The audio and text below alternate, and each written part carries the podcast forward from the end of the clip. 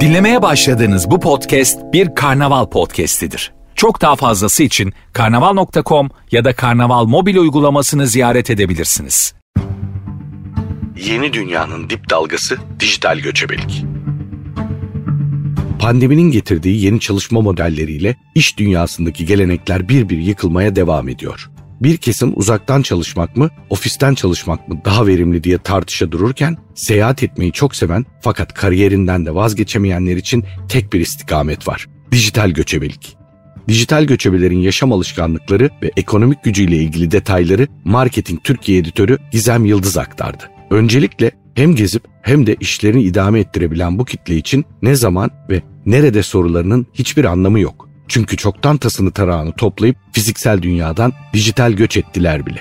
İşlerini omuzlarına astıkları bilgisayara, hobilerini birkaç uygulamaya, sevdiklerini ise cep telefonlarına taşıdılar. Yani teknolojinin bu kadar yaygın olduğu bir dönemde dijital göçebeler için okulu, işi, sosyal yaşamı kullandığı ekranlara sığdırmak hiç zor değil.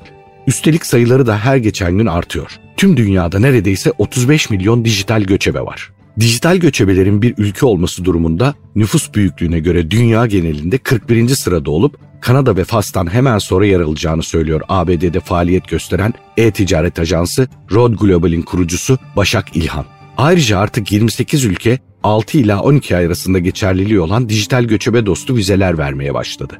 Çünkü dijital göçebelerin coğrafi hareketliliği kısa ve orta vade iş seyahatlerini teşvik edebilir ve hava yolu endüstrisine ihtiyaç duyulan talep artışını sağlayabilirler. Ayrıca bölgeler arasında bilgi ve kaynak akışı için katalizör görevi görmekle birlikte kendilerine, kuruluşlarına ve ev sahibi ülkelere fayda sağlayabilirler. Bu kitlenin kimliklerine daha yakın baktığımızda %49'unun kadın, %51'inin ise erkek olduğunu görüyoruz. En yoğun oldukları ülkeler ABD, Portekiz, Almanya ve Brezilya. Bu ülkelerin toplamı zaten dünya genelinin yarısını oluşturuyor. %47'si henüz 30 yaşlarında, en yaşlısı ise 72'sine ulaşmış durumda. Ayrıca dijital göçebelerin %37'si yüksek lisans derecesine sahip. Çalışma hayatında da kendilerine özgün bir çizgi yürütüyor dijital göçebeler. Sınırlardan hoşlanmadıkları için çoğu kendi işlerini yapmayı tercih ediyor. Herhangi bir şirket tarafından istihdam edilen %17'lik bir kesimde iş hayatında esnek bir model yakalamanın yolunu bulmuş. Daha çok evlerinde ya da konaklama yerlerinde çalışmayı tercih ediyorlar. Aralarındaki en yaygın meslekler pazarlama, bilgi teknolojileri, tasarım, yazarlık ve e-ticaret. Ekonomiye kattıkları değer ise yaklaşık 787 milyar doları bulmuş durumda.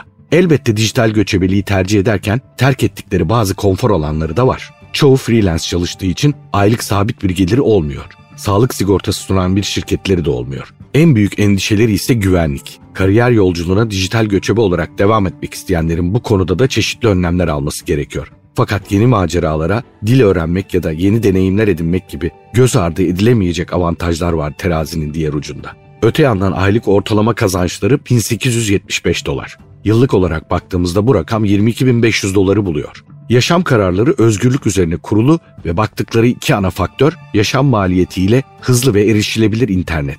Literatüre yıllar önce giren dijital göçebeliğin hızlı yükselişine şahitlik ediyoruz. Pek çok insanın hayallerinin bir köşesinde şüphesiz yer ediyor ve yine pek çok insan buna cesaret edebiliyor.